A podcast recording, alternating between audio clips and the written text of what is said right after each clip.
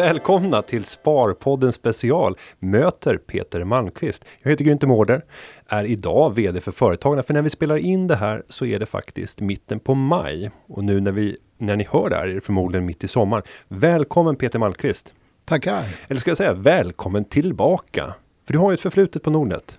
Ja, under några år så var jag analyschef här på Nordnet och byggde upp det här som kallas för Experterna.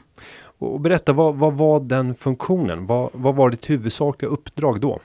Idén var att vi med ganska små resurser skulle försöka skapa en analys som var både objektiv och intresseväckande. Och då fick ett antal experter eh, faktiskt förvalta kapital åt Nordnet inför öppen ridå. Man startade upp portföljer som kunde då följas av eh, kunderna eh, så ofta de ville, varje dag, varje minut om man så ville. Och så hade vi bjudit in både externa experter då, som Björn Davegård till exempel, som är en känd aktiemänniska. Men också vi själva som jobbade här, då, Roger Jansson och jag själv. Vi körde varsin portfölj. Men totalt sett så hade vi också portföljer Eh, i de nordiska länderna successivt. Och det där blev väldigt populärt. Även om naturligtvis det, det varierade beroende på om börsen var upp eller ner. Det blev populärare när börsen var upp för att då söker människor mer inspiration och vill leta efter aktier som, kan, ja, som det kan bli fart på. Alltså.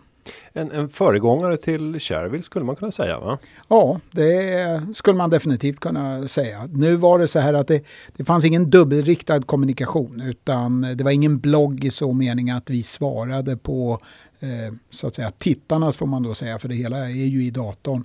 Eh, det var inte så att vi svarade på tittarnas frågor eller någonting sånt utan man kunde följa oss exakt. Och när vi hade köpt en aktie eller sålt en aktie eller bara om vi tyckte att det fanns anledning så kommenterade vi. Men vi måste alltid tala om varför vi köpte eller sålde en viss aktie eller agerade på ett visst sätt i den här portföljen. Och det jag tror skärpte upp det hela, det var faktiskt att eh, många av de som skrev då var rätt duktiga på att skriva, skriva kort.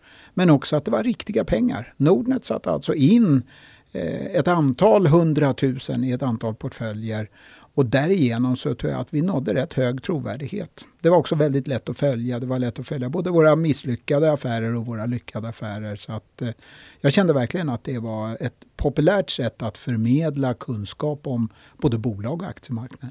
Och vi ska också förklara varför det här är intressant för en nätmäklare. För att en av utmaningarna som alla nätmäklare som inte erbjuder rådgivning har. Det är ju just att kunderna söker ständigt efter råd. Eh, men om man inte sitter med kontor med rådgivare som ska säga som säger åt vad de ska göra så är det här en typ av, av lösning. Ja, det, mycket handlar ju om, om resurser och att man ska få ut så mycket som möjligt av varje investerad krona. Och det fanns aldrig på kartan när jag anställdes på Nordnet att vi skulle vara en analysavdelning på kanske 10-12 personer, vilket väl många liknande manuella så att säga, firmer då hade till sitt förfogande. Utan vi ville hitta någonting kostnadseffektivt som också var trovärdigt och väldigt öppet. Och det tycker jag definitivt vi lyckades med. Alltså. Och när du kom in på Nordnet så var du ju ingen junior i sammanhanget. Du hade ett gediget förflutet inom finansvärlden. Men jag skulle vilja att vi går tillbaka och kanske parkerar när du är 15 år. Vem var Peter Malmqvist då och vilka drömmar närde han och eh, fanns det redan då ett aktieintresse? Jag hade en enda dröm. Jag ville bli landslagsman i ishockey. Vad Punkt. hände? Vad hände? Ja, jag hade inte tillräcklig talang. Jag var inte tillräckligt bra. Det är den bistra sanningen. Så jag jobbade 100% med hockey höll jag på att säga i alla fall intressemässigt fram till jag blev 19-20 år. Och då la jag av med det. Hur, hur, långt nådde du? Jag nådde inte särskilt långt. Jag nådde till då om man skulle säga division 2, vilket i mm. praktiken är division 3. Så att jag var en av många då som önskade att man hade blivit bättre. Men det som var roligt det var att drömmen höll en hela tiden vid liv. Det var först långt mycket senare som jag började upptäcka att vintrar kan vara rätt mörka och kalla. Det var de aldrig när man var total hockeyfanatiker. För antingen så stod man på en is och där var det ljust och så spelade man hockey. Eller så satt man på en läktare på Johanneshov, då hovet, och tittade på vilket var mitt favoritlag, AIK då, hur de skulle spöa Leksand, vilket var huvudkonkurrenten faktiskt när jag väckte upp. Alltså, så jag upplevde aldrig vintrarna som kalla, tråkiga och mörka. För det här äh, brinnande hockeyintresset, det bara tog en rakt igenom från vilket var fallet då november på den tiden fram till början på mars. Nu spelar ju ungdomarna mm. från augusti till slutet på maj och så vidare. Men då och var det lite sommarläger. Mer. Ja, så det fanns det faktiskt även på min mm. tid och det ödslade jag några kronor på kan jag säga. Alltså, mm. Men jag lyckades ändå inte bli särskilt eh, bra i ishockey. Och, och, men det, det, spelar egentligen ingen roll.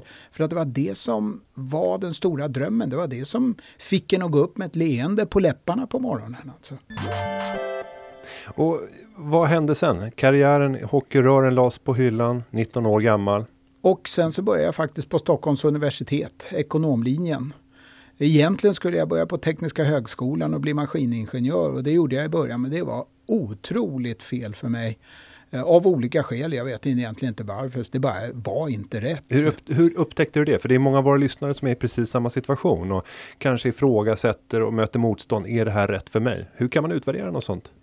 Lite som att käka en maträtt som varken är god eller äcklig. Du mm. bara äter den, du tuggar. När du har fil med för mycket müsli eller någonting sånt, det är bara torrt och konstigt och du tuggar och du hoppas nu fan ska det ändå bli, förlåt jag ska mm. inte svära i radio men alltså det, det, du kommer inte framåt, det är bara det är som nej det här och man känner det liksom finns ingen trend, du ser inget ljus. Så att efter en månad, en och en halv ungefär, så slutade jag där. Och sen så väntade jag en termin och sen så började jag på ekonomlinjen. Och där var jag våldsamt intresserad av allt sånt här som vi kallar för makroekonomi. Som och, då med inflation och räntor och sådana saker. Och, och vi, du ska få fortsätta berätta om tiden på, på universitetet. Men just den där halva termin, eller den terminen som det blev, mm. ett uppehåll när du slutade tekniskt. Hur spenderade du tiden då? För det är också en situation tror jag som många lyssnare befinner sig i olika delar av sitt liv. I ett totalt vakuum. Jag mm. visste inte var jag var på väg någonstans. Det var, eh, man, på den tiden så man, gjorde man lumpen först efter gymnasiet och sen så skulle man välja någonting att börja plugga på om man nu var intresserad av det. Jag hade gjort lumpen, jag började på teknisk, jag slutade på teknisk och befann mig då i tyngdlöst tillstånd. Jag var inte på väg någonstans och det var första gången i hela mitt liv jag inte var på väg någonstans. Jag hade inget mål för tillvaron. Det var hemskt.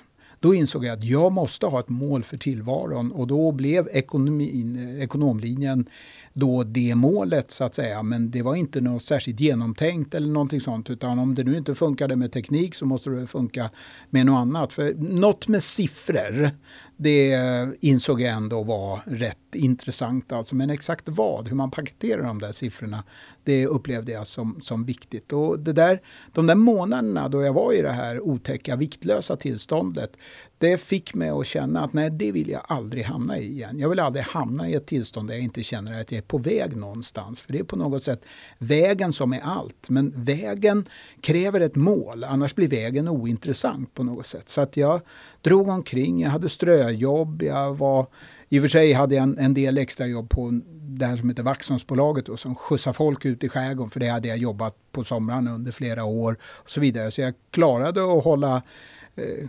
cashen, pengarna någorlunda vettigt. Men det var en väldigt obehaglig känsla att för första gången i sitt liv inte vara på väg någonstans. Alltså, då blev vägen bara en rondell, rund, rund, rund, rund, rund hela tiden. Alltså. Och så ekonomilinjen. Hade du ett ekonomiintresse när du kom in? ja, jag tror egentligen att jag hade ett större intresse för att skriva. Men jag hade också ett intresse för siffror och jag hade ett intresse för statistik. Vilket jag hade kunnat konstatera när jag växte upp av olika skäl. Då. Eh, och då, jag var ganska intresserad av det som vi kallar för nationalekonomi. Och jag var rätt eh, fokuserad på att bli någonting inom det området. Och det konstiga var att då på jag tror det var tredje eller fjärde terminen, så kom jag i kontakt med redovisning första gången. Och jag, debet och kredit och avsluta konton och grejer. Och det enda jag kände det var liksom, det här var ju inte min grej. Det här, det här ska jag inte jobba med. Och det jag började jobba med efter tre och ett halvt år på universitetet, det var just på en revisionsbyrå. Och det visar lite, i alla fall i mitt fall, hur konstigt, alltså hur svårt det är att styra. Men det, det som styrde var också lite pengar. Man mm. insåg alla tyckte precis likadant. Debet och kredit var det hittills tråkigaste man hade råkat ut för på hela ekonomlinjen. Alla, ingen skulle jobba med det och då växte lite hornen på något sätt. Att, ja, men, aha, ingen ska jobba med det här. Då, det kan väl inte vara helt fel att jobba med det. Alltså, så himla tråkigt är det inte.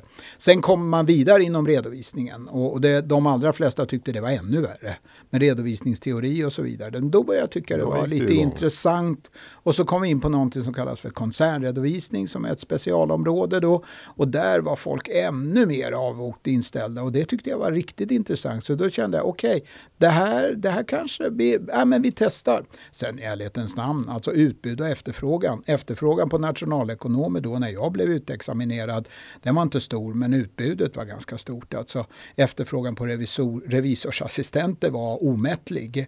Så det var ju ganska mer eller mindre lätt att få jobb som revisorsassistent. Så att eh, det var, jag kan inte kalla det för tur eller absolut inte vem har talang i bokföring. Det, är liksom, det kan man inte prata om. Men det blir någon sorts kombination mellan att man märker att men det här är okej. Okay, och dessutom ingen annan vill hålla på med det här. Det kan ju inte vara fel. Alltså. Och var det Bolins eller Örlings? Eller? Nej, det, det som idag heter Ernst Young, EY heter mm. det, eller EY kallar de sig själva med amerikansk betoning då. Det hette en gång i tiden Silén och Jakobsson. Och Silén var det finaste namnet i hela redovisnings-Sverige. För det var Oskar Silén, professorn på Handelshögskolan. En av de första auktoriserade revisorerna som hade startat den byrån. Så den bars, det namnet bars väldigt stolt. Jag hade aldrig hört talas om Oskar Silén någonsin innan jag klev in på den byrån. Men insåg ju att det måste ju varit någon helhöjdare då för ja, 30 år sedan eller någonting sånt. Alltså. Sen blev den byrån Hagström och Selén och sen blev den Hagström och Olsson och någonting annat på vägen. Och så idag är den EY. Men det var en väldigt bra tid. Alltså då, då fick jag lära mig verkligen eh, redovisning och lära mig att tolka bokslut. Och så den partner då som jag jobbade för, han hade väldigt mycket utbildning. Så att jag redan tidigt började komma in på utbildning och fick faktiskt bara ett halvår efter det att jag hade slutat på universitetet ta över en kurs också, nämligen hans kurs på universitetet. Och, och utbildningen är någonting som jag håller på med då ända sedan dess. Ja, så det, du undervisar fortfarande? Ja, jag undervisar. Både universitetet ja, och på Handel? Ja, så är det olika ytterligare.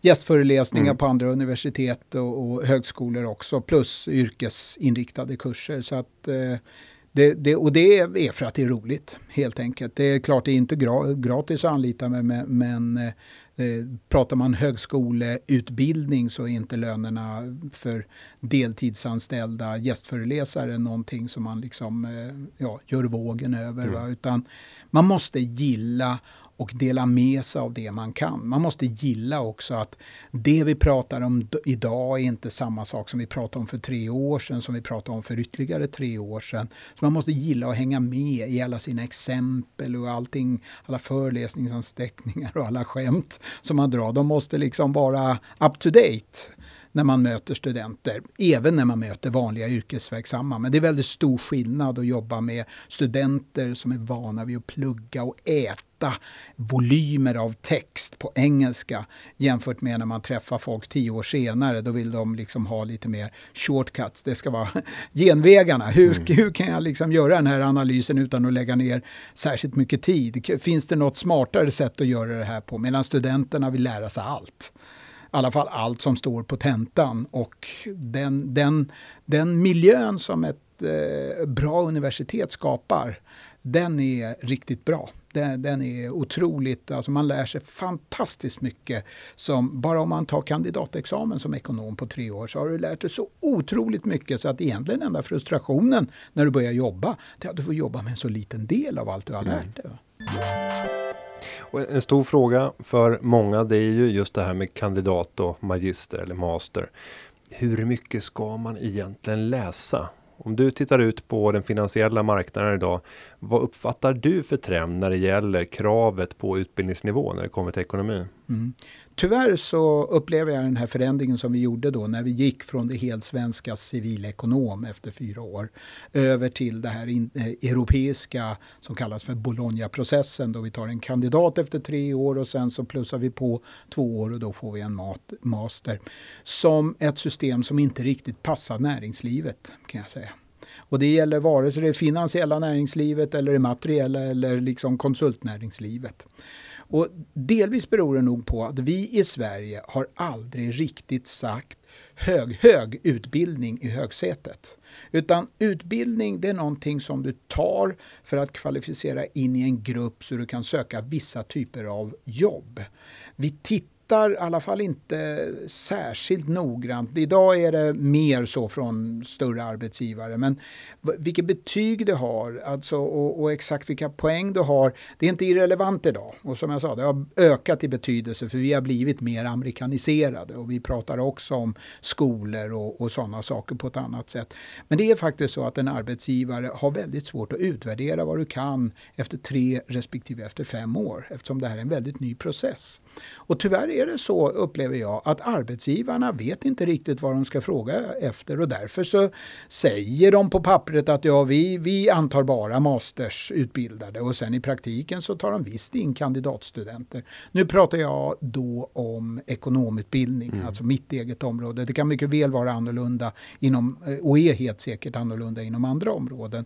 Men jag upplever alltså att arbetsgivarna måste sätta sig ner och fundera igenom vad det är de vill ha för typ av arbetskraft. För jag kan säga helt ärligt, jag tror inte någon arbetsgivare vet sen efter ett par, tre år om den här personen har haft en kandidat eller en master. För det i grunden påverkar inte riktigt karriärmöjligheterna på företaget. Och därigenom så ser jag, och det är lite tråkigt men det är fullt förståeligt, så ser jag faktiskt en dragning åt att studenter kliver av efter tre år och känner äh, att vi, vi kollar här, vad finns det för, för betalning att få efter tre år? Vi testar våra vingar efter tre år. Och många kommer inte tillbaka och läser en master. Och det kan vara lite synd för att därigenom så saknar man eh, en viss spets i sin utbildning. Men man kan efter tre år vara en väldigt god generalist, ekonomgeneralist.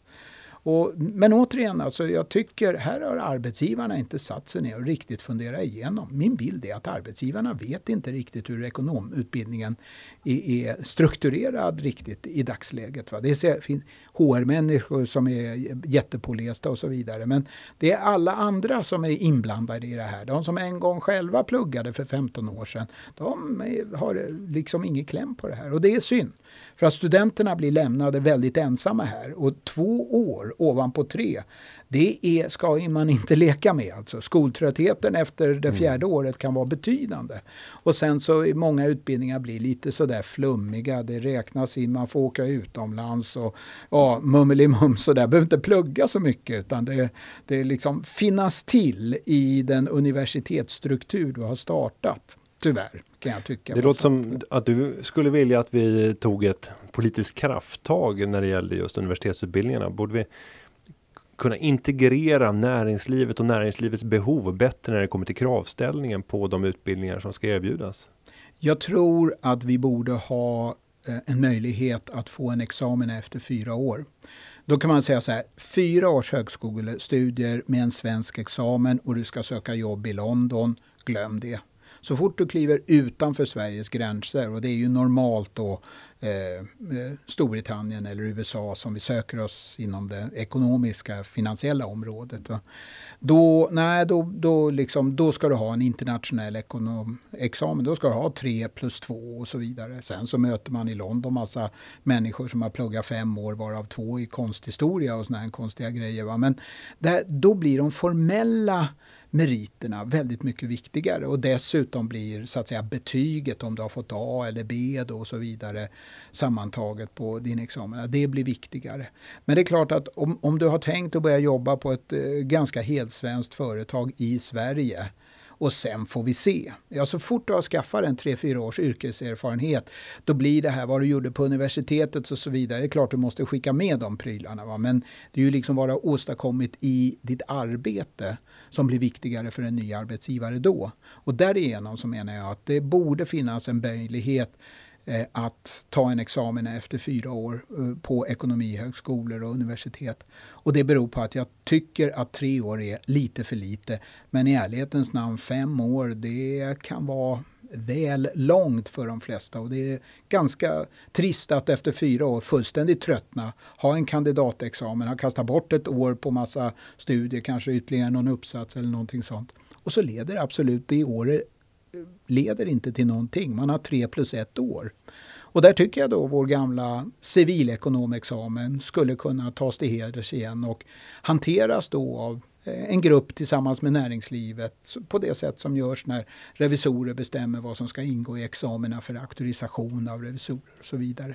Jag tror att näringslivet behöver blanda sig i det här mer för idag upplever jag egentligen inget intresse alls faktiskt. Alltså. Och nu letar jag så fort man hör sånt här om, om, praktiska lösningar. Det skulle ju kunna vara att man fortsätter med sin vanliga kandidat under tre år och sen finns det en ettårig magisterexamen som är när, svenskt näringslivsanpassad. Men påbyggnadsbar om man vill ha den femåriga utbildningen Precis. så att man läser ytterligare ja. ett år och organiserar på det sättet. Exakt. Där kanske vi har lösningen. Vi skickar med det till till eh, regeringen att, att ta ställning till ett färdigformulerat förslag. Det tycker jag vore bra. Alltså. Det, det är framförallt eh, för att då vi inte ska få det jag tycker vi har rätt mycket idag. Att efter tre år så, så slutar man att plugga. Mm. Och det tror jag i grunden inte var syftet med den här så kallade Bologna-processen. Utan syftet var att liksom de två sista åren, då ska man verkligen få fokusera på någonting som man tycker är väldigt roligt och intressant och dyka djupare i det. Och som det nu är så tycker jag att eh, ja, avhoppsprocenten, dropout percentage, verkar vara högre än vad jag trodde den skulle vara när det här, det här systemet sjösattes för en fyra, fem år sedan. Om vi lämnar skolan och går vidare sen i din karriär. Till att börja med då revisorsassistent, började undervisa tidigt. Vad hände sen längs vägen fram till Nordnet och sen till skapandet av ditt eget bolag? Då var det så att när jag jobbade som revisorsassistent då så tyckte jag att det här med analys var faktiskt väldigt roligt och jag undervisade väldigt mycket i analys och på yrkes, bland banker och till, på yrkesverksamma mm, ja, organisationer. Då. Medan på universitetet var det renodlad redovisning. Och då efter fyra år ungefär, knappt fyra år som revisorsassistent så slutade jag och började på en bank en statligt ägd bank som heter Sveriges investeringsbank vars egenhet var att den faktiskt fick syssla med att äga aktier i företag. Det fick inte banker göra på det sättet eh, tidigare. Och eh, då jobbade jag där. Den kallades också för Harry Scheins bank. För Harry Schein han är numera död men han var en sån här superkändis som ingen i min ålder egentligen visste om han var någon gammal skådespelare eller var liksom var en gammal politiker eller någonting. Han var bara känd kort och gott. Han fanns alltid med i någon sån här Hänt i veckan eller Svensk Damtidning eller någonting sånt. Och helt plötsligt var han VD för den där banken. Men det tycker jag han gjorde riktigt bra. För att eh, det stora problemet med en statligt ägd bank, i alla fall då, det var att den egentligen inte riktigt visste vad den skulle göra. Och egentligen vem som var dess huvudman. För att politikerna tyckte, ja men gör, eh, underlätta finansieringen i näringslivet, det är er uppgift. Ja men hur? Och där tyckte jag Harry Schein liksom formulerade och satte upp mål och även drev på. Så det blev lite Scheins bank. Så man kan säga att det gick från att vara en diffus grå statlig organisation till en sorts entreprenörsliknande historia där han var liksom entreprenören och, och liksom pådrivaren.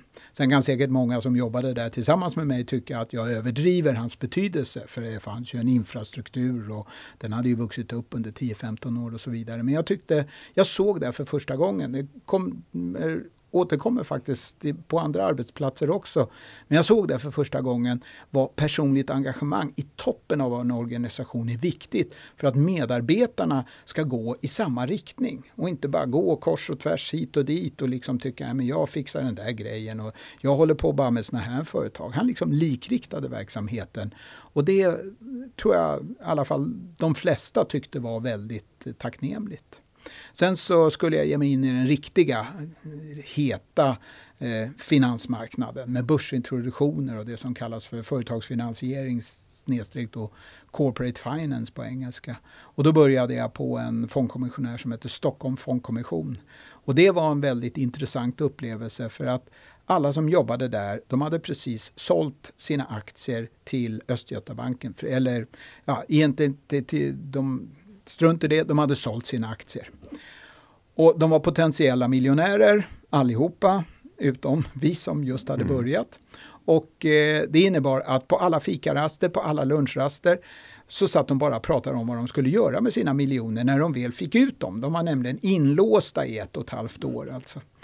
Och det var bara det snacket och det kändes väldigt deprimerande. Här sitter jag som något som katten har släpat in och där sitter de, multi, eller alla, ja, miljonärer hela högen. Och på den tiden då eh, så var det ganska mycket pengar. Så att eh, där var jag bara ett år. Det var en eh, otroligt deprimerande upplevelse för att det var inte bara det utan man fick se verkligen inifrån vad som händer i en organisation när den verkligen tappar orienteringen. Tre veckor efter jag hade börjat så fick VD sparken och sen så blev det kubbning om vem som skulle vara VD och så kom det en VD och det var ingen som gillade den VDn och han var väl ingen höjdare heller i mina ögon och så vidare. Och sen så vart det en tredje VD inom loppet av ett år och det här kände jag, det här är inte min grej helt enkelt. Så att den här äh, renodlade superkapitalistiska, ge mig alla pengarna och stick eh, finansmarknaden, den, eh, den var helt enkelt inte, den var väldigt oteoretisk. Den var liksom grabba tag i det och håll fast i det ungefär. Så då, och, då, och, och, och, när bestämmer man sig, när man är i ett sånt läge och man märker att nej, det här, jag trivs inte bra här. Det här mm. är inte rätt kultur. När ska man våga ta steget? Du var bara där ett år sa du. Mm. Och, för de flesta så skulle man säkert tänka så här, hur ser det här ut på CV? Att jag har varit inne och mm. bara vänt i en organisation. Hur kommer jag uppleva som framtida arbetsgivare? Borde jag inte hålla ut? Mm. Gräset kanske inte är grönare på andra sidan. Och det håller jag med om att ett år är en för kort tid. Om man har upprepade ettårsanställningar så ser det inte bra ut i ett CV. Nu hade jag nästan fyra år på en revisionsbyrå och fyra år på en statligt ägd bank som, eh, ja, i olika positioner. Så jag tyckte man får floppa en gång då mm. i det hela. Det var i alla fall det var varken eller utan jag fick möjlighet att börja som journalist på Svenska Dagbladet, som börskrönikör. Och det jobbet i mina ögon var så oerhört, framstod som oerhört mycket roligare än att göra det jag gjorde på den här fondkommissionären. Som i grunden var att jobba med börsintroduceringar och liknande företagsaffärer. Då. Så att det var inget snack. När den möjligheten dök upp så, så då var det inte svårt att klippa banden. Det konstiga var att när man väl då hade sagt upp sig och banden började klippa då dök det upp människor som började prata med en och tyckte det var ju tråkigt att du skulle sluta och eh, så vidare. Va? Det kan vi inte göra något för att du ska stanna stanna kvar här och så vidare. Och då kände jag så här, bara, vad var ni för ett halvår sedan? När man satt i den här gröten av rikemansmänniskor som skulle liksom bara fundera på vad de skulle göra av miljonerna och ingen verkade vilja jobba och alla var bara sig själv närmast. Då när man hade sagt upp sig, då blev det helt plötsligt intressant att liksom släppa in en i gänget och så vidare. Och det tror jag är någonting som eh, många upplever. Att man blir mer intressant mm. om man har sagt upp sig på ett jobb än när man är där ungefär som någon sorts nybörjarinventarie på lång sikt. Alltså. Men, men vilar det också ett ansvar på arbetstagaren att faktiskt förmedla de känslor som man har innan man går och säger upp sig och funnit ett, ett nytt jobb? För jag har varit med om många situationer och även här nu på, på Nordet där jag har haft eh, kollegor som inte känner att de har kommit till sin fulla rätt och sen så har de kanske inte uttryckt själva. Vad är målet med mitt engagemang här i organisationen? Vart vill jag? I vilken riktning? Utan eh, går mest att besvära sig över att de inte tycks uppleva att, att den fulla potentialen tas tillvara. Och sen när de har sagt upp sig så har det kommit erbjudande precis i den riktningen de har velat vandra och snarare ett ifrågasättande från chefen. Varför har du inte sagt vad du vill? Mm. Hur mycket är ledarskapets ansvar? Hur mycket är arbetstagarens eget ansvar? Jag tror man delar i två delar. Det ena är att du kommer in i en organisation och människorna runt omkring dig till väldigt stor del funkar inte med dig. Du, liksom, du känner att du får ingen relation till personerna som är närmast dig, som du jobbar med, som liksom är dina chefer men också som är dina medarbetare. Du bara, det blir den här gröten som jag pratade om tidigare. Du tuggar och tuggar och tuggar. Det kändes för mig som en helt oöverstiglig mur att ta mig över. Det var inget fel på arbetsuppgifterna. Det var roligt. Jag var till exempel med och börsintroducerade det som idag är en del eh, i alla fall som heter ITAB och den andra delen heter Exano till exempel. Jag var med och introducerade, det var ju väldigt hett på fastighetsmarknaden då, så jag var med och introducerade det som idag är delar av Norrporten till exempel och så vidare. Så jag tyckte i sig arbetsuppgifterna var intressanta, roliga, utvecklande och samtidigt fick jag chans av arbetsgivaren då att undervisa på universitet sättet. Men jag fick ingen, ingen, det blev ingen kollegial samvaro. Vi liksom spelade inte på samma plan. Vi liksom, skämten som andra drog roade inte mig och mina skämt, ja de ville jag inte ens dra för jag kände att det här var inte rätt. Sen ska man inte säga att så var det inte i 100% av fallen, men det var i så stor andel av relationerna som var så stolpiga och knixiga att det bara, då kände jag att äh, ett år ser inte bra ut i prästbetyget. Va? Men hellre då att jag tar det året och går vidare. Men det är klart, hade jag varit ett år på revisionsbyrån, ett år på Sveriges investeringsbank och ett år på en fondkommissionär, då börjar det ju se lite fladdrigt ut. Alltså, det håller jag med om. Men jag tyckte en miss av tre möjliga, det är helt okej. Okay. Och framförallt så lockade fantastiskt då att vara börskrönikör på Svenska Dagbladet. För där kom det in helt nya perspektiv. Alltså. Och vad hände under svenskan-tiden? Där kände jag då på direkten att de här människorna lirar jag helt rätt med. Det var liksom rent liksom socialt så tyckte jag väldigt bra om att vara bland journalister. Det var en, en sorts eh, det är helt andra människor i, som genomsnitt än de människor du träffar i finansmarknaden. Alltså, och varför, ja, eh, eller om det är eh, andra kan vidimera, det bryr jag mig inte om, det är min bild. Alltså. Och i den gruppen, i den enormt, det, det är en enorm konkurrens mellan journalister också. Alla vill få svensk, stora journalistpriset, så enkelt är det. Men i den konkurrensen så finns en kollegialitet och en stöttning både underifrån och uppifrån som inte finns under den tid som jag tillbringat i finanssektorn i alla fall. Alltså. Eh, och då ska jag säga, eftersom jag jobbar på Nordnet, så i, mina, i min bild så är faktiskt inte Nordnet en finansfirma utan det är en stor datafirma. Det är liksom data på Nordnet som internetföretag är så dominerande som problemområde. Så att därför så är det väldigt annorlunda arbetsplats Nordnet jämfört med den här Stockholm Fondkommission som jag då började på. Så det finns olika jobb, olika arbetsplatser. Det är likadant på banker om du jobbar i kontorsnätet eller om du jobbar på marknaden för att köpa och sälja värdepapper så är det väldigt olika människor som jobbar där också. Men i vilket fall, alltså journalisttiden, där, där var det väldigt lätt att trivas för att kollegorna var i allt väsentligt otroligt trevliga, hjälpsamma, stöttande, kritiserande också. Jag menar, varje morgon så fanns det ett morgonmöte då man gick igenom vad som hade stått i tidningen och där kunde folk säga att det här var helt obegripligt. Vad skriver du här? Och du använder P tal och avkastningstal. Det är ju inte en människa utan möjligen någon specialiserad ekonom som fattar vad du skriver här. Nu får du liksom ta och, och rensa bort alla de här specialistuttrycken och eh, faktiskt börja skriva så att folk begriper. Inte fullt så kraftfullt, men, men alltså det var otroligt fokus på att alla människor, alla våra läsare skulle förstå i stort sett allting som vi skrev. Och det var väldigt likt faktiskt utbildningssituationen. När man står och ska liksom förklara ett komplicerat skeende eller en värderingsmodell för människor som aldrig har sett den det är precis rätt mycket samma jobb faktiskt och det var roligt. Där kom utbildningen och eh, ska vi säga det här skrivandet och journalistiken. Det liksom gick ihop på ett väldigt förnämligt sätt. Och, och där skulle jag ju vilja skicka ett tips till alla unga idag. Eh, vill man bli duktig inom ett område, jobba med att möta olika målgrupper för att förklara det du kan. För att hela tiden se till att du klarar att, att förklara för på det mest basala sättet men också kunna hantera det här branschspråket som föds och som ibland känns som, är, som att det är skapat för att exkludera andra människor och upphöja betydelsen av ens egna kunskaper. Det ska du också klara av.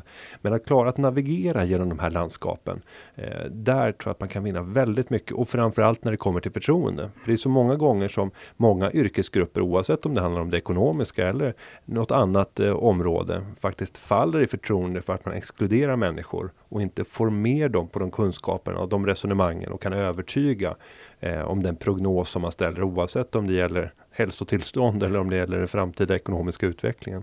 Jag kan bara hålla med. Alltså, det mest exkluderande språket jag vet, det är lagtext. Mm.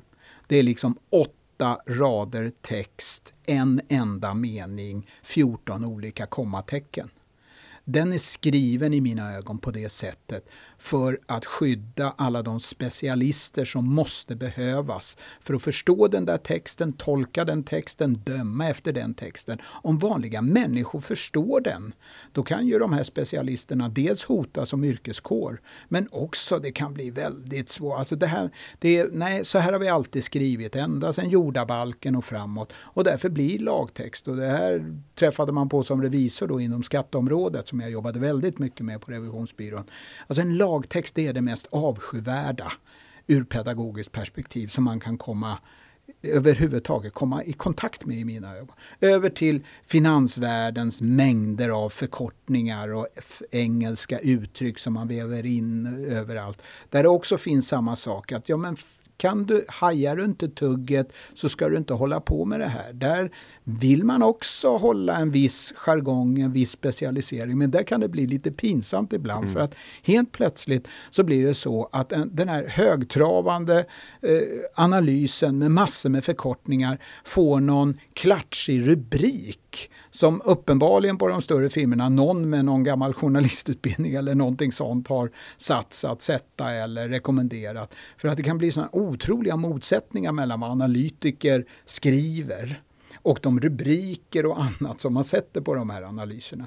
Men analytikerns jobb är väldigt mycket att prata till specialister på specialisternas språk. Men det är också ett sätt, påstår jag, för att skydda din egen så att säga eh, din egen kompetens. Att du, du vill exkludera, det ska inte vara för alla. Över till journalistens roll som verkligen är att alla måste fatta.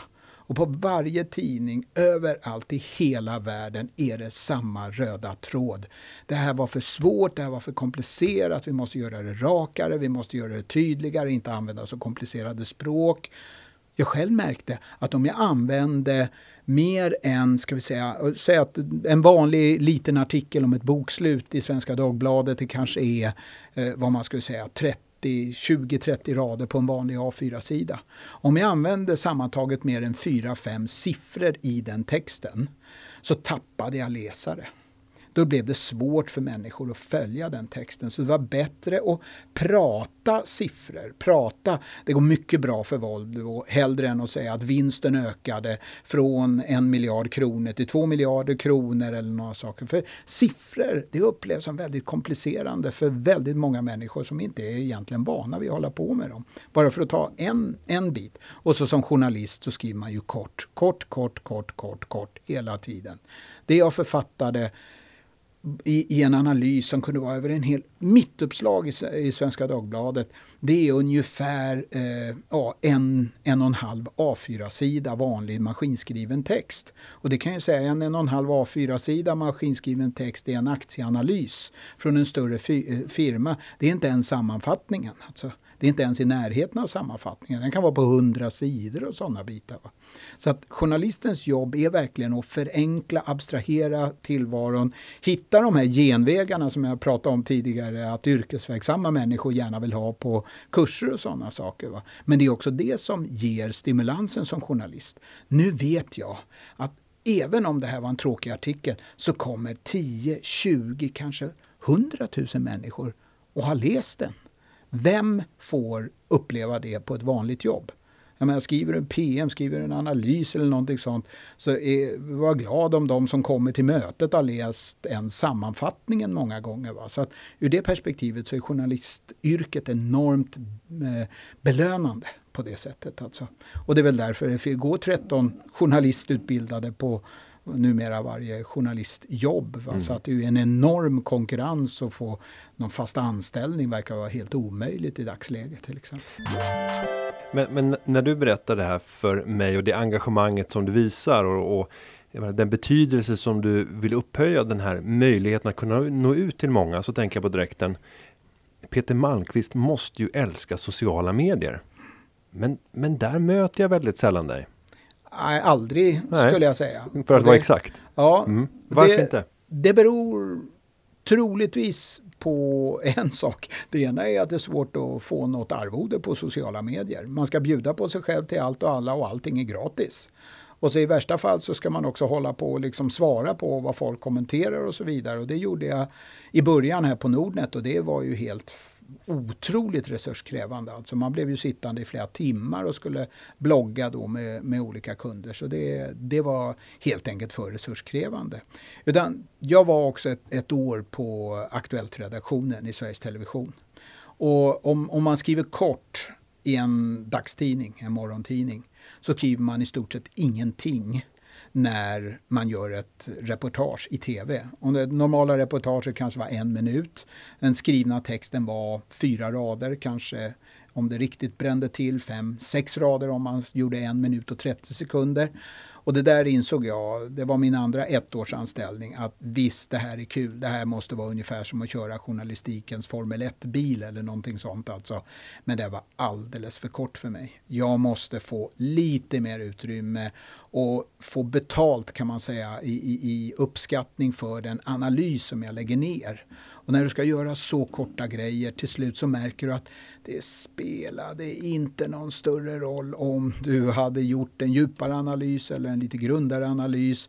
Utan det viktigaste var att du hittade bilder som liksom bom, där satt den och och det ska vika in och, och sådana bitar. Och för mig är lite sociala medier samma sak. Det är som att skriva Alltså Twitter tror jag är 160 tecken eller någonting 140, sånt. ja. 140 tecken.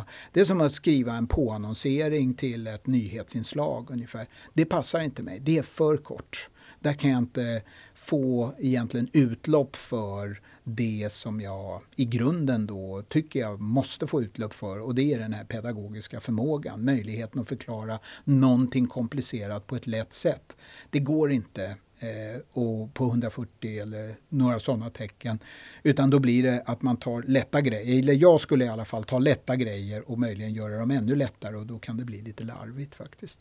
Och det jag gör i sociala medier, det är framförallt att jag driver till sånt eh, sådana områden där jag kan förklara, alltså till bloggen eller till podcasten. Eh, eller till texter eller till diagram, till analyser, rekommenderar läsning eh, som jag ändå stöter på. Det blir ju ett arbete på marginalen för att för mig, så, precis som för dig som sitter och analyserar hela dagarna, så stöter man på mängder av intressanta saker som man tänker, det där var bra, det där favoritmarkerar jag för att komma tillbaka till, eller lägger upp ett bokmärke, eller om man läser i en text, man stryker under.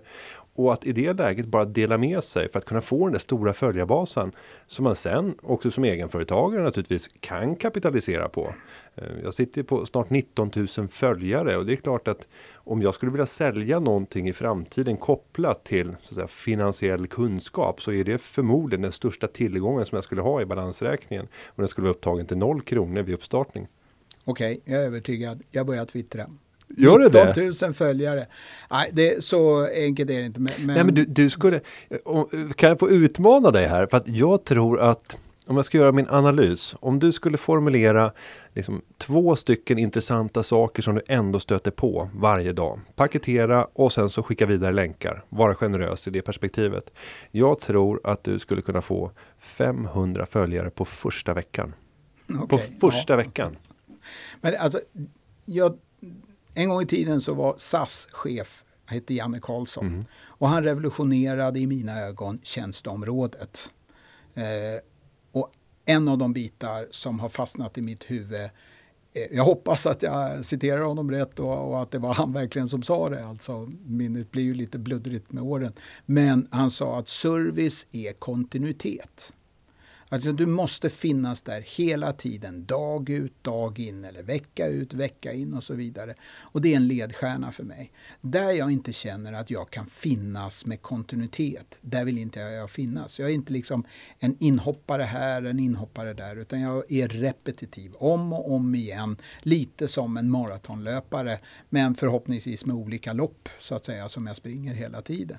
Och det jag ser med sociala medier, det är att för att vara framgångsrik i sociala medier så måste kontinuiteten vara så välfrekvent. Den måste vara just varje dag och så vidare. Annars tappar folk intresse, då går de någon annanstans.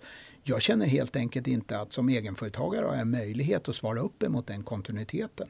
Jag kan stå en hel dag, jag kan stå två, tre dagar i rad och inklusive kvällsarbete och allting på en kurs inte ha en möjlighet att komma i närheten och skriva i närheten av någonting som kan vara intressant för folk. Va? Och då kan jag känna att det, det, där det är någonting som kräver ett delvis annat jobb än vad jag egentligen, den, den rutin, den rytm som jag har i mitt arbete idag funkar inte riktigt i den världen.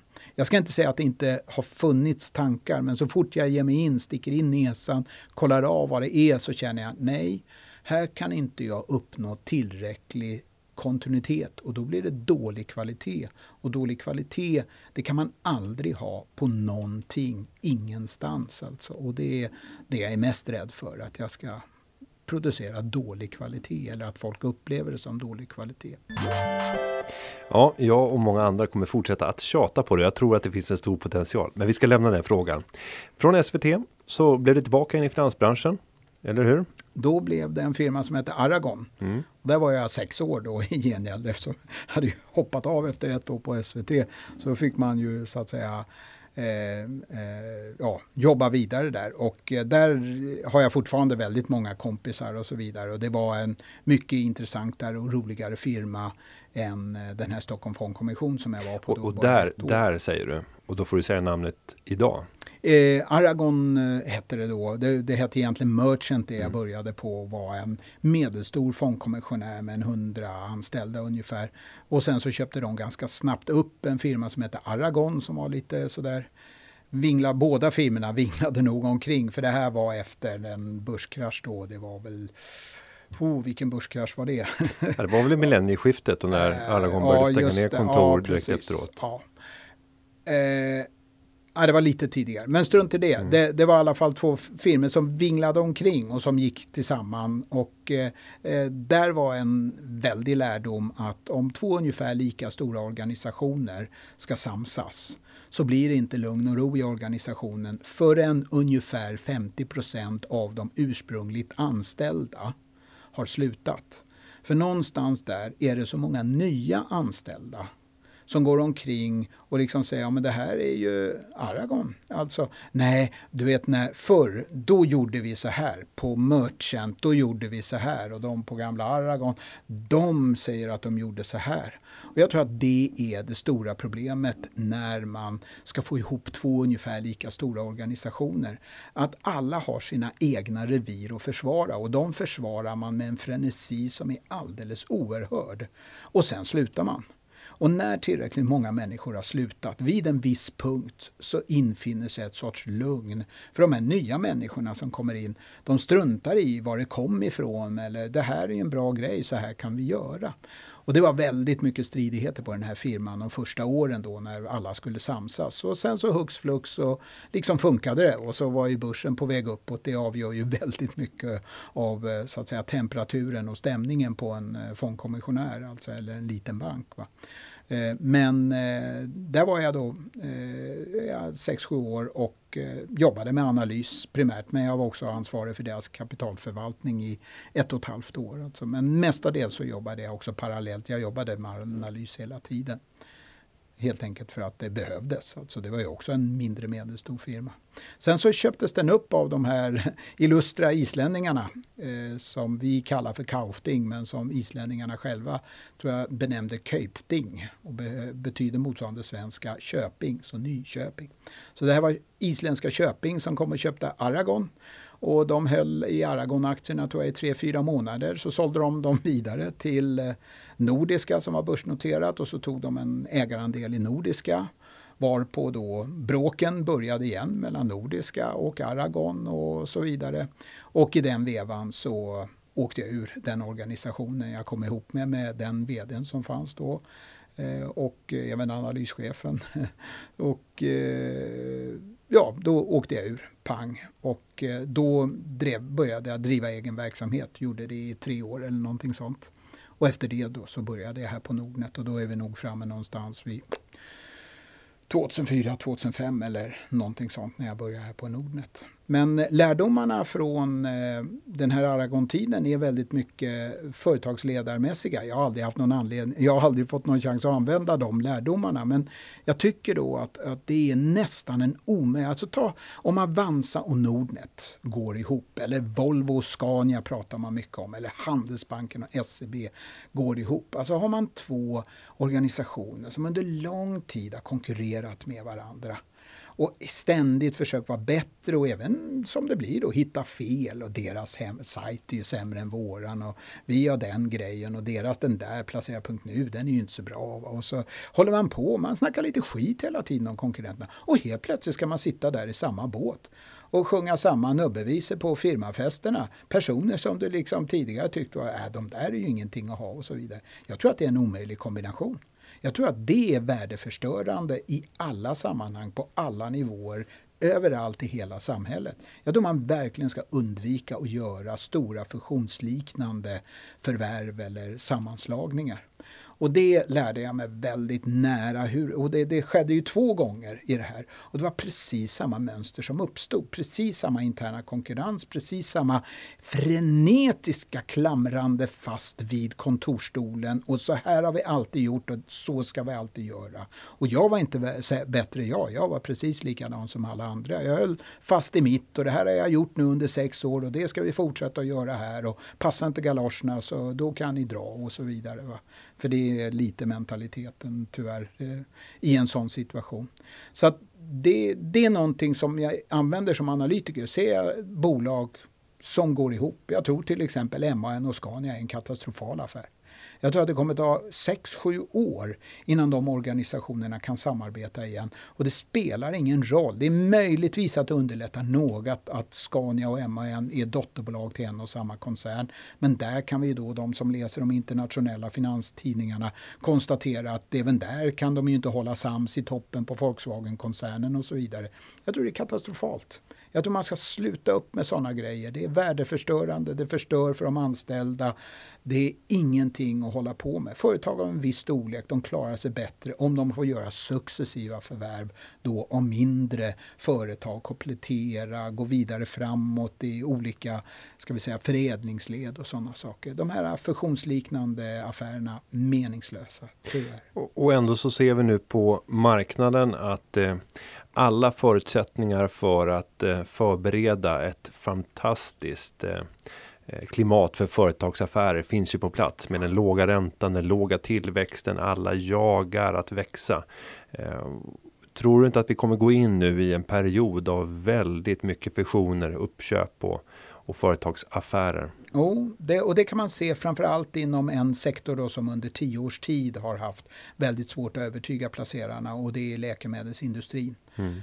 Alltså där, så AstraZenecas börskurs försvann ju upp i skyarna beroende på att Pfizer då la någon form av bud. Eh, eller ja, det var ju ett bud men det var kanske för lågt bud. Och så hela tiden, ja, det är ett sätt att, att öka intresset också för ett bolag. Att man lägger sådana där bud. Och Meda, där har det gått omkring, jag vet inte om det har varit något bud eller om de bara pratar om att det eventuellt skulle kunna. Alltså helt plötsligt inom den där sektorn som har varit lågt värderad i förhållande till vinstkronorna för att vinna vinsterna inte växer som de gjorde förr i tiden. Helt plötsligt där så drivs aktiekurserna nästan uteslutande av budspekulationer. Och det, det tror jag i långa loppet är förödande. Jag menar AstraZeneca, är det en bra konstruktion? Om man tittar på AstraZenecas utveckling från det att Astra och Zeneca så att säga blev ett så kan ju ingen människa bli nöjd med den utvecklingen överhuvudtaget. Eller stora plus Enso till exempel, inte heller. Alltså.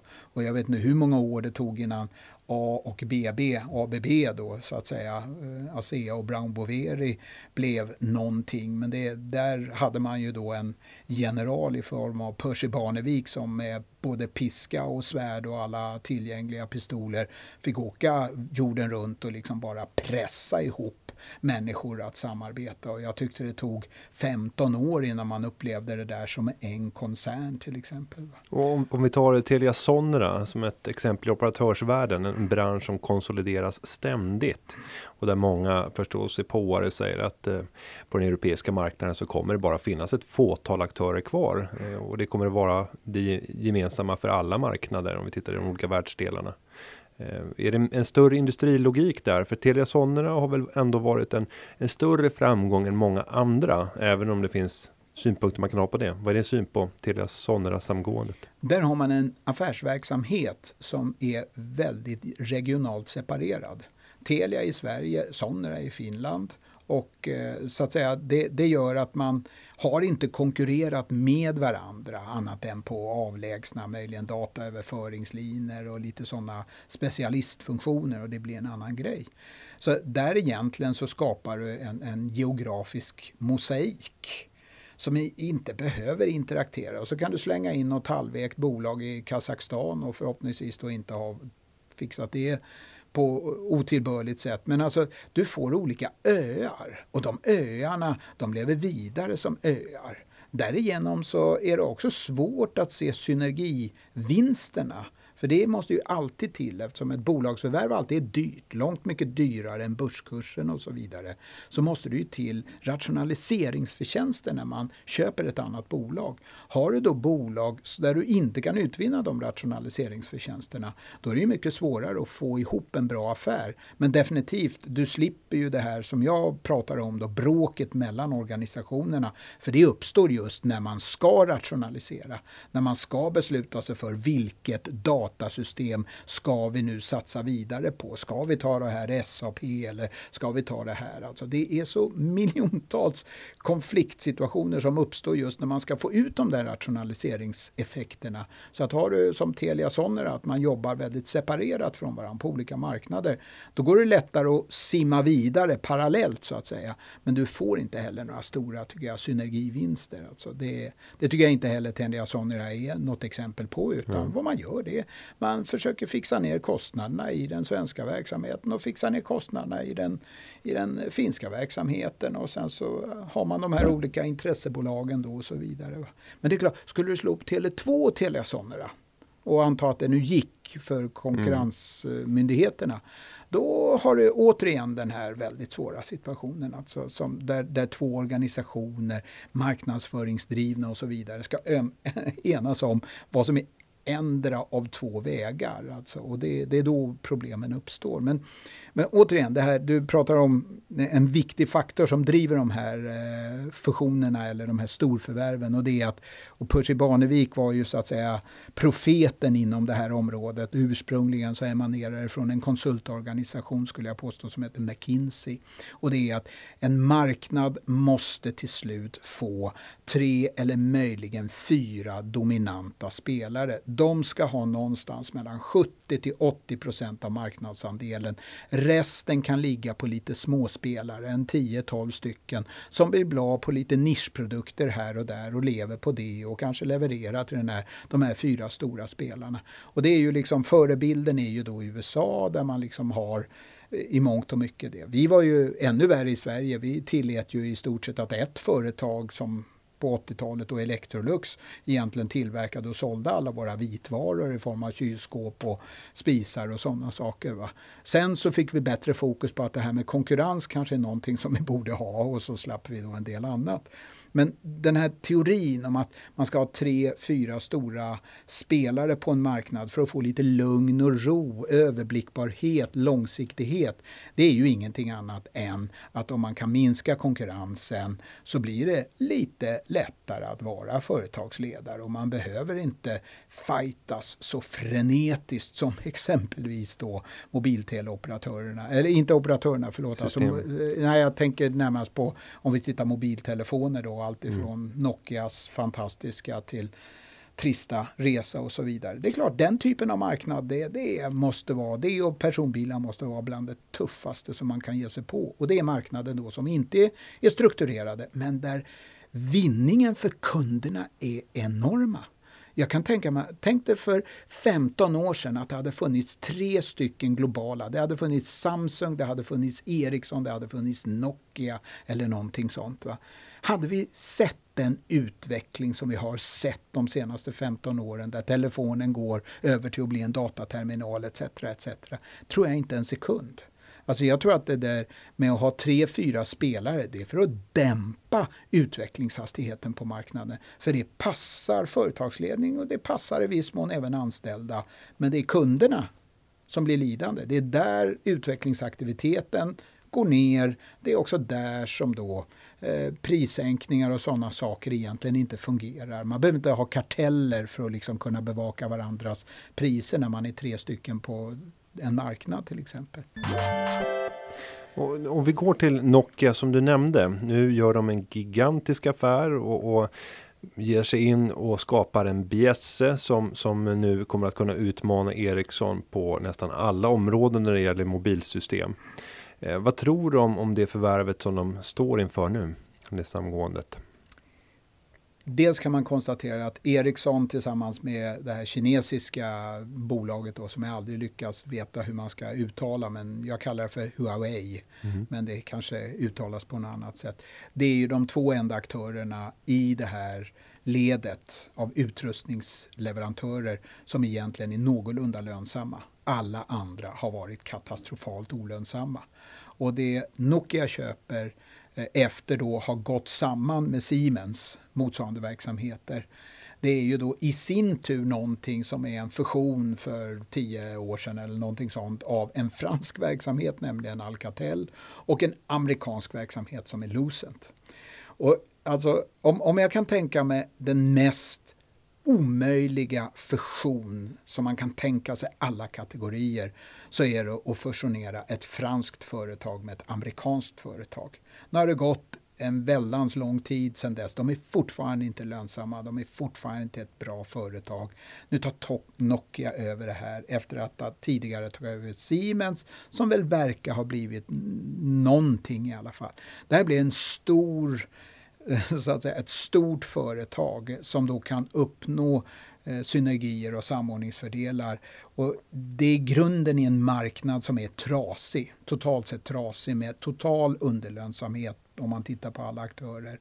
Och då kan man väl se det som att ja, det här är en möjlighet då faktiskt för de här ursprungligen fyra företagen Nokia, Siemens, Alcatel och Lucent att överleva de kommer aldrig i mina ögon, så länge jag håller på med det här, att bli en vinnande spelare. För att man ska samsa alltså amerikaner, fransmän, tyskar och finnar i en och samma organisation. Och de där ska gå i takt och sjunga samma sånger på firmafesterna och så vidare. Va?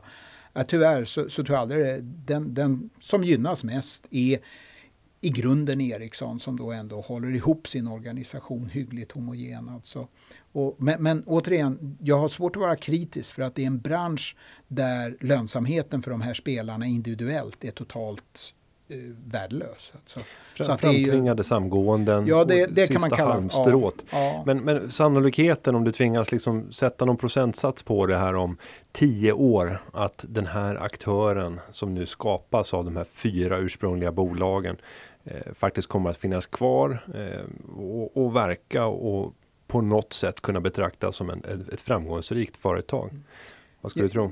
Jag tror definitivt att den finns kvar. Jag tror att den kommer vara halvframgångsrik, mediokert lönsam. Jag tror Ericsson kommer vara betydligt bättre ur det perspektivet. Jag tror inte de kommer vara ledande annat än inom ett och annat nischområde för att jag tror att det kommer ta så lång tid att få de här organisationerna totalt sett att gå i takt. Så att Ericsson kommer hela tiden kunna ligga steget före Eh, rent allmänt. Men jag tror definitivt de kommer att överleva för att samtidigt så vill inte kunderna och det här är ju på det sättet en svår bransch för att kunderna är ju gigantiska och de genom olika samgåenden då försöker bli ännu större.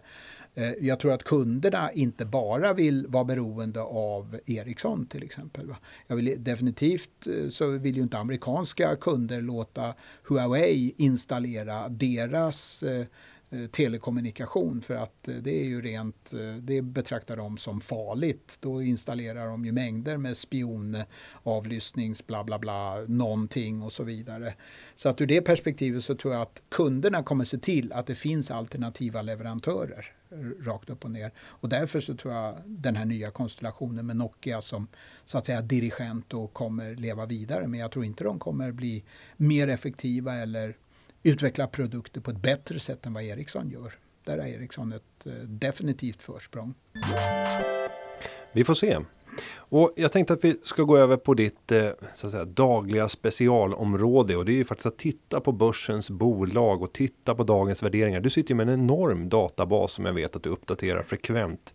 Eh, vilket gör att du har möjlighet att eh, ta fram väldigt intressanta sammanställningar som ger en bra bild över vad som just nu händer i bolagsvärlden och hur aktiemarknaden tolkar det här.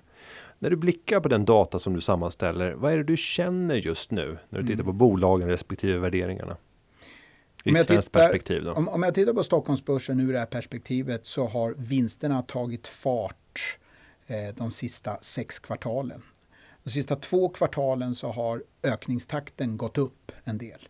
Så de sista två kvartalen så ökar vinsterna med ungefär 13 procent jämfört med motsvarande kvartal ett år tidigare.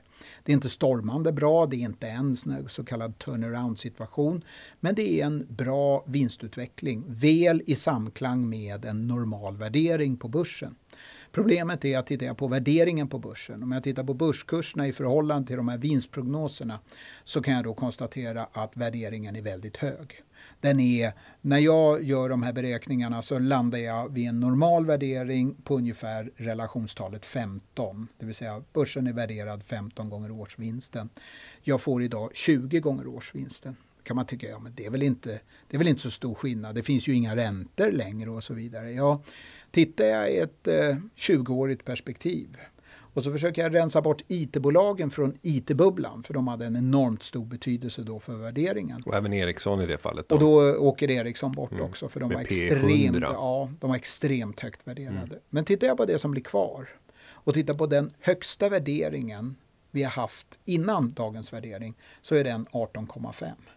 Så att vi har alltså en rekordhög börsvärdering av sånt som är kallade då icke-IT i ett eh, 15-20-årigt perspektiv. perspektiv kan man säga så här, ja visst, men vi har ju också räntor som vi aldrig tidigare har sett. Det är ju minusränta för Riksbanken och det var ju länge sedan någon löntagare fick någon ränta på ett lönekonto. Det är kanske möjligt att man får ränta på kontot här i Nordnet, men i sådana fall så är det inte mycket. Va? Och då kan man säga att det är klart att då letar ju alla människor efter placeringsalternativ och då är ju börsen det bästa och så slänger man in för att vara riktigt säker på att det här är det bästa. Och där får man ju 3% direktavkastning, alltså 3% av värdet på aktien kommer falla ut i pengar. Ja, fast det är ungefär som att säga att jag skulle vara rikare för att jag gick till bankomaten och tog ut 300 kronor än om jag hade 300 kronor kvar på kontot. Utdelningen är bara kommunicerande kärl. Antingen så finns värdet i bolaget eller så finns det i handen på mig som aktieägare. Men det där har nu vuxit fram och blivit det främsta argumentet för att gå och köpa aktier. Att man faktiskt får ungefär i snitt 3% utdelning på en portfölj. Och då, då tycker jag då, då har argumenten helt spårat ur. För att det finns inget extra värde i själva utdelningen. Det är vinsten, vinstökning som styr börskurserna på kort och på lång sikt. Och då säger jag så här, med 13 procents vinstökningstakt så vill inte jag se en rekordhög värdering. Då vill jag se en ganska normal värdering. Den här extremt låga räntan som vi har kan vi naturligtvis tro att vi ska ha i all evig tid. Tror man det, då är börsen lågt värderad.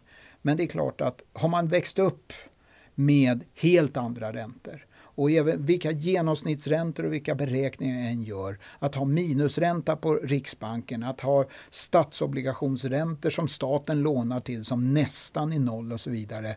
Man får vara otrolig optimist otrolig optimist om man vill para det med någon typ av normal vinstökningstakt. Alltså räntan, inflation, tillväxttakt, allt det där hänger ju ihop. Så har man rekordlågt i ena ändan, då kommer vi inte på lång sikt kunna ha den tillväxttakt som vi har haft historiskt sett, för det här hänger ihop. Och då säger jag så här att tillväxttakten är det starkare.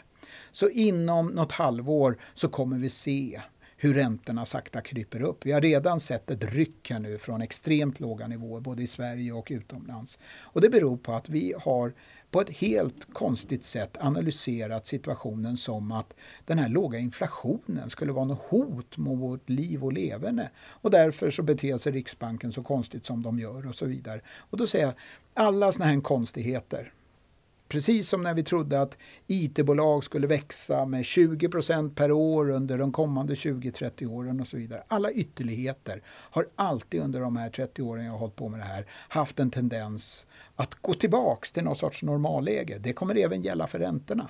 Så då kan jag säga så här, jo, nu är det bra att vi har låga räntor, men det är ett temporärt läge. Låt oss säga att vi har det i två, tre år till. Vad slår det på värderingen? Ja, då skulle jag kunna acceptera att istället för att ha 15 gånger årsvinsten som normalvärdering, så kanske då 16,5, 17. Men vi har 20 enligt mina beräkningar. Och det är där jag då tycker att vinstutvecklingen är alldeles utmärkt, men värderingen som den ska ställas emot är alldeles för hög. Och det kan inte de här låga räntorna reparera. För förr eller senare så kommer de gå upp igen. Allt annat, allt annat är ren liksom, drömmeri skulle jag påstå. Det finns ytterligare en faktor när jag ändå har vinsterna på bordet som jag skulle vilja lyfta upp. Och det är att det är en liten spegling av samma sak, men alla är medvetna idag om att dollarkursen har gått upp väldigt kraftigt. Snittkursen under första kvartalet den låg 30% över snittkursen för ett år sedan. Och det är klart, det här har ju en enormt positiv effekt på eh, börsbolagens vinster. Dessutom så har euron gått upp eh, i snitt 8% på ett år. Pundet har gått upp ungefär som dollarn och så vidare. De här valutaeffekterna är klart avläsbara, men de är svårkvantifierbara i boksluten. Men en väldigt stor del av den här vinstökningen som vi har kommer faktiskt av att vi helt enkelt räknar om utländska dotterbolag till en högre valutakurs idag än vad vi gjorde för ett år sedan. Och det är klart att såvida man nu inte också där tror på en evigt stigande dollar och en evigt stigande euro och pundkurs så kommer ju också den delen av vinstökningen att dämpas. Och även i, med det inbegripet då, så skulle jag betrakta de här valutadrivna vinstuppgångarna, de är ju temporära. Dollarn har varit uppe på höga nivåer men den går alltid ner igen till lägre nivåer och så vidare. Och jag kan tycka att i det läge som vi är nu så är det konstigt att inte fler försöker lyfta fram de här långsiktiga sambanden. Det finns en och annan men, men vi är inte många som försöker påvisa att det här är inte möjligt att para ihop långsiktigt. Och därför så menar jag att det är en väldigt riskfylld situation som vi har på börsen nu. Alltså. Och, och, där kan vi också säga att när det gäller valutaeffekterna så kommer ju de en vacker dag att slå precis andra hållet och, ja. och skapa motsatt, motsatt effekt. Ett annat sätt att värdera börsen för att få en känsla för hur dyr den är. Det är också att titta på bolagens balansräkningar och värdera substansen. Ett populärt mått är price to book där man tar kurs genom justerat eget kapital för att per aktie för att se hur många kronor får man betala för varje krona eget kapital på börsen. Mm. Det här måttet, eh, hur ser det ut just nu? När jag gör mina slagningar på de 60 största bolagen och lika viktar det så ligger vi på 3,40 mm. för varje krona eget kapital. Vad säger dina siffror som kanske är värdeviktade och lite annorlunda sammanställda? Ungefär 3,1 mm. och det är samma nivå som vi var då 2007, 2008. Men på IT-bubblans glada dagar då var vi uppe på 5. Så att då var det extremt högt värderat. Om du har rensat för IT-bolagen återigen där, kommer du ihåg vad du har, har Nej, för tal? Jag, jag, har inte, jag har inte mm. gjort den rensningen på just det nyckeltalet. Men sannolikt lägre, eller hur? Ja, ja absolut. Än de 3 och 10 vi har det, idag. Det, ja, möjligen då på IT-bubblan med ledning av så att säga det den här vinstrelationen som mm. jag hade tidigare, då P talet så skulle jag gissa att vi då för de kvarvarande bolagen når ungefär 3. Mm. Och då, då, skulle det också vara en indikation om att värderingen på börsen idag är extremt hög, eller i alla fall den är på sina högsta nivåer. Och då måste bolagen prestera fantastiskt bra på lång sikt. Klarar de inte det, då är börsen övervärderad och kommer gå ner. Och det är där då man kan konstatera att vinstutvecklingen den är god men inte överdrivet god på något sätt. Och, och, den är då påverkad av vad jag skulle kalla för engångsartade valutaeffekter. Så att ur det perspektivet, även om jag tittar då på det egna kapitalet så kommer jag till ungefär samma slutsats som om jag tittar på vinstprognoserna. Att börsen är ordentligt högt värderad och det kräver att alla stjärnor står rätt och går rätt framöver för börsbolagen och det kommer de inte att göra. Och när vi äger en riskfylld tillgång som aktier är så vill vi också ta reda på var i ligger botten? Hur lång fallhöjd finns det? Och om vi går tillbaka historiskt och tittar på just det här måttet price to book. Hur många kronor får vi betala för varje krona i eget kapital? Var ser du bottenvärdena om vi går tillbaka till slutet av 2008, inledningen av 2009? Vi kanske tittar 2003, inledningen av året. Eh, det är inte mycket mer än en krona för kronan va? En 20 eller? Jag får 1,5 lite mm. drygt vid var, var, i stort sett vid varje bottenläge. Och det är klart att det är ju ett hemskt perspektiv. Om vi nu är värderade 3,0 gånger eget kapital lite drygt och ska ner till 1,5 gånger då är det en ordentlig fallhöjd.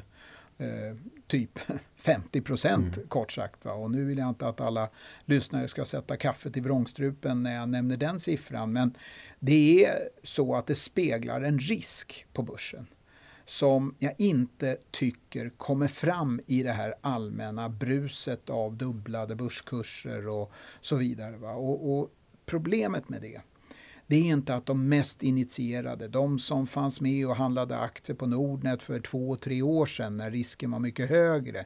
Det är inte att de förlorar särskilt mycket pengar. Utan problemet med det, det är att de som i normalfallet inte klarar förluster, de som håller sig borta från aktiemarknaden in i det sista, där rämnar nu motståndet, där rämnar nu aversionen. För nu helt plötsligt så känner de sig fattiga åt andra hållet. Nämligen alla andra verkar ha blivit rika på det här. Aktier och fonder och alltihopa. Och, och ja, då måste jag ju med i det här i alla fall. Så nu går de personerna och tar sina sparpengar och så ska de in i det här. Och då är det ofta så att det är en väldigt stor och trög process för de här personerna att flytta sina pengar. Det är det för de flesta som inte är väldigt aktiva. När man väl har lyckats leta reda på vad man har för inloggningskommando och sådana saker va, någonstans i bokhyllan så sitter man där framför datorn om man nu är så avancerad eller så går man till banken om man är mindre avancerad och går direkt till disken om banken nu har något sånt kvar. Och så, säger man, så står man där och så har man gjort allt det här. Och så har man läst någonstans någon kille som heter Malmqvist som säger att ja, börja med 20% av kapitalet. Ja, det låter ju väldigt förståndigt. Men när man nu har lyckats hitta alla de här inloggningsgrejerna och, och bemöda sig att gå till banken så tycker man, ska jag göra det här igen sen då? Alltså bara för att vara lite, ah, 20% låter lite lite. Jag, jag, jag tar nog jag tar nog hälften av pengarna i alla fall och sätter in. Ja, hälften, det är väl ändå ingenting att hålla på med. Det är ju en entusiasm. Nej, nej, men alla säger ju att det ska gå uppåt och räntorna är låga. Jag, jag, tar nog lite mer, jag tar, tar nog tre fjärdedelar. Ah, varför hålla på och mecka med 20 och 50 och fjärdedelar? Ja, det är lika bra vi tar hela beloppet. Och så går, tar man alldeles för mycket pengar och sätter in. Och sen något kvartal senare eller halvår väldigt ofta då så kan börsen vända ner riktigt ordentligt. Och det här är ju de personerna som absolut har svårast att klara förluster. Och de här personerna kommer kliva av den här börsen då den dagen vi får en ny ordentlig sättning i marknaden mellan 20 ner till 40 procent och så vidare. De kommer kliva av där nere och de kommer verkligen ha gjort den här förlusten. Medan de erfarna, de som har hållit på med det här i 20-30 år, de vet att efter regn kommer solsken. Va? Så att det är liksom bara att härda ut och har man inte belåning så det, det blir bra till slut det här i alla fall. Så de ligger kvar i det hela. Utan det är de nya, oerfarna som lockas in i det här av framgångsvindarna som blåser och de entusiasm som och tipsen om en den ena fonden och en den andra. Det är de som gör de riktigt trista förlusterna och det är de som inte klarar det. Så det är mot, till dem jag väldigt mycket vänder mig när jag varnar då och säger att risken är, det, är ovanligt hög alltså på börsen. Var försiktig. Och nu målar du i mörka färger. Det här är alltså en, en, en optimistisk man ska ni veta och i, i, vissa delar av branschen så pratar man om Mr 20 procent. Ja. Eh, som alltid säger att börsen ska upp 20 procent och, och, faktiskt har rätt påfallande ofta för att börsen brukar röra sig rätt kraftigt upp när den rör sig. De andra förståsigpåarna brukar ju säga 8 till 10 procent. Men det händer ju aldrig. Ja. Antingen så går det upp rejält eller så går det ner rejält. Just ja. de där medelvärdena och där man teoretiskt sett borde ligga. Det inträffar ju väldigt sällan. Nej, det, det kan man belägga och det, det, är därför jag har jag, jag, måste ha en prognos på antingen kring 20 procent eller kring 0 procent. Mm. Och i år är det då kring 0 procent. Men eh, så det är alltså lägre än vad börsen är idag. Eh, och det är baserat på att om man går tillbaka och tittar på de senaste 50 årens kalenderår så det absolut vanligaste är att börsen landar kring 20 procent mm. eller kring 0 procent. Just det här långsiktiga genomsnittet kring 10 procent det är ytterst ovanligt. Mm. Alltså. Det är faktiskt vanligare att den landar kring 30 procent plus historiskt än att det är kring 10 procent. Så ur det perspektivet så speglar ju det börsens karaktär. Du tjänar antingen bra med pengar eller så kommer du under året att förlora pengar för de här 0 procenten de innefattar ofta en ganska kraftig uppgång under året som sen kollapsar under hösten och sen så mot slutet av året så har det stigit lite och då landar man kring plus minus 0 procent. Men svängningarna inom året kan vara väldigt dramatiska det kalenderåret. Alltså. Men, men återigen, det här med optimist och pessimist jag är slav under de analyser som jag gör. Jag är slav under studier av börsbolagens vinstutveckling, P tal alltså värderingsrelationer. Jag pluggar väldigt mycket makrostatistik och försöker få grepp om en rad olika eh, länder och så vidare. De här parametrarna faller ut olika vid olika tidpunkter. Och idag så faller de ut på ett sätt som att inbegripet att värderingen är väldigt hög så blir alltså risken på börsen väldigt hög. Alltså. Så jag försöker vara väldigt eh, sifferorienterad, väldigt metodisk. Men subjektivitet finns ju alltid i, i det hela. Så att ur det perspektivet så försöker jag hålla subjektiviteten som det sista inslaget i den här analysen. Jag kunde ju till exempel vara lite mindre varnande och så vidare va? och säga att det är aningen farligt på börsen och så vidare. Men då tycker jag, nej, när jag lägger hela det här pusslet så tycker jag nej, det är viktigt att jag som ändå sitter med den här statistiken behöver inte ha rätt kristallkrona, men historiken visar att när statistiken ser ut på det här sättet, när värderingarna är på det här sättet så är sannolikheten för att det närmsta närmsta året blir ett dåligt börsår ganska hög. Och det är därför jag tycker det är viktigt att, om inte jag som liksom ändå sitter med den här analysen och kommer till de här slutsatserna, vågar säga det. Vem ska då någonsin våga säga det? För att i ärlighetens namn, alltså, är man inblandad själv i marknaden så vet vi ju det är ju både med börskurser och med räntor så att vi blir ju alla, de allra flesta svenskar blir gladare av en stigande börs än av en fallande börs. Och eh, alla svenskar i princip utom en, en ganska liten del på några hundratusen stycken bli glada av om räntorna faller hellre än de stiger. Så enkelt är det. Tittar man på bankernas balansräkningar så har de ungefär dubbelt så mycket pengar utlånat till folk som de har lånat av folk. Så följaktligen fallande räntor gör alla bankkunder jätteglada. Och därför så skulle jag påstå att det påverkar vår analys om vi jobbar i en bank. Det är väl mycket bättre att Riksbanken håller räntan låg än att de håller den hög och så vidare. Så att det finns subjektivitet på alla nivåer i hela finansmarknaden. Mitt jobb är att försöka ha min egen subjektivitet och den ska vara så objektiv som möjligt. Alltså. Men den är inte objektiv. Jag, menar, jag blir känslomässigt engagerad av det här utan tvekan. Alltså. Peter Malmqvist, eh, jag tror att du har bidragit med väldigt mycket nya perspektiv till eh, många erfarna och också många nya sparare som, som följer Sparpodden. Och tiden springer iväg när man har fantastiskt roligt och det har man när man sitter tillsammans med dig. Eh, det är som att öppna en god bok och bara sitta och njuta.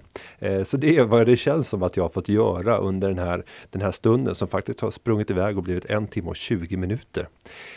Med det så skulle jag bara säga ett eh, stort tack till dig Peter för att du har eh, tagit dig tiden att delta här i Sparpodden och avsluta med att säga att den här podcasten har spelats in och klippts av Nayara Seara. Stort tack för att du kom! Tack! Tack, hej! Hej!